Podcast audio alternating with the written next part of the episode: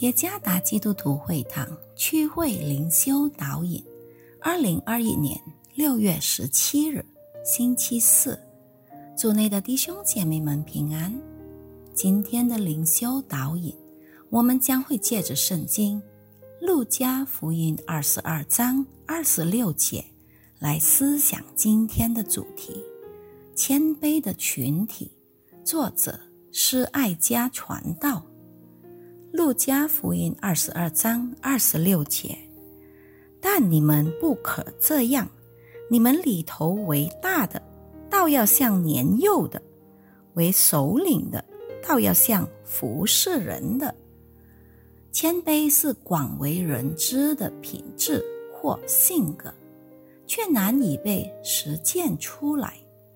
约翰牛顿 （John Newton） 一位英格兰。圣公会牧师曾写了这么一句格言：“谦卑与爱是信徒们生活中最大的成就。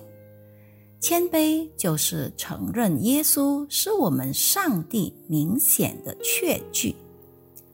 谦卑对跟随耶稣的人而言是非常重要的生活品质。”因为谦卑就是上帝属性之一，谦卑也显于耶稣身上。作为耶稣肢体的群体，我们也要成为一个彰显谦卑的群体。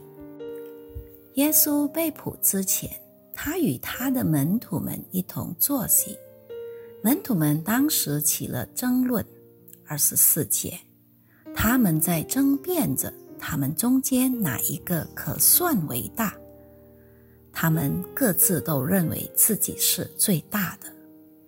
耶稣在他们争论不休时，却说道：“你们里头为大的，倒要像年幼的；为首的，倒要像服侍人的。”参看二十六节。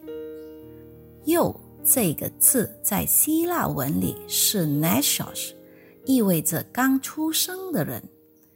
一个刚出生的人的性质就是天真、单纯、纯真，没有做作和虚伪，并有好学的精神。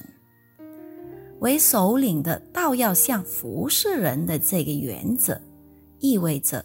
被呼召出来服侍的人的意思，他们那些服侍人的都是为了共同利益。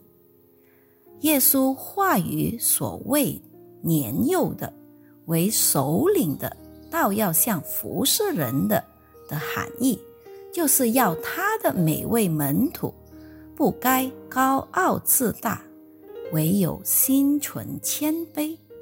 就好像耶稣取了奴仆的形象，谦卑的将士，他的门徒们也应当如此。作为耶稣肢体的群体，我们应当已经具有谦卑的美德。我们要以将士为人的耶稣为榜样。基督将士并不是要受人的服侍。乃是要服侍人。谦卑是群体成长中其中一个关键的要素。倘若在某个群体中没有谦卑，那么情况将会如互相争论的门徒。争论是个不良的榜样，将会成为旁观者的绊脚石。让我们一起学习。如何在群体中实践谦卑？谦卑是我们群体能成为基督见证关键的要素。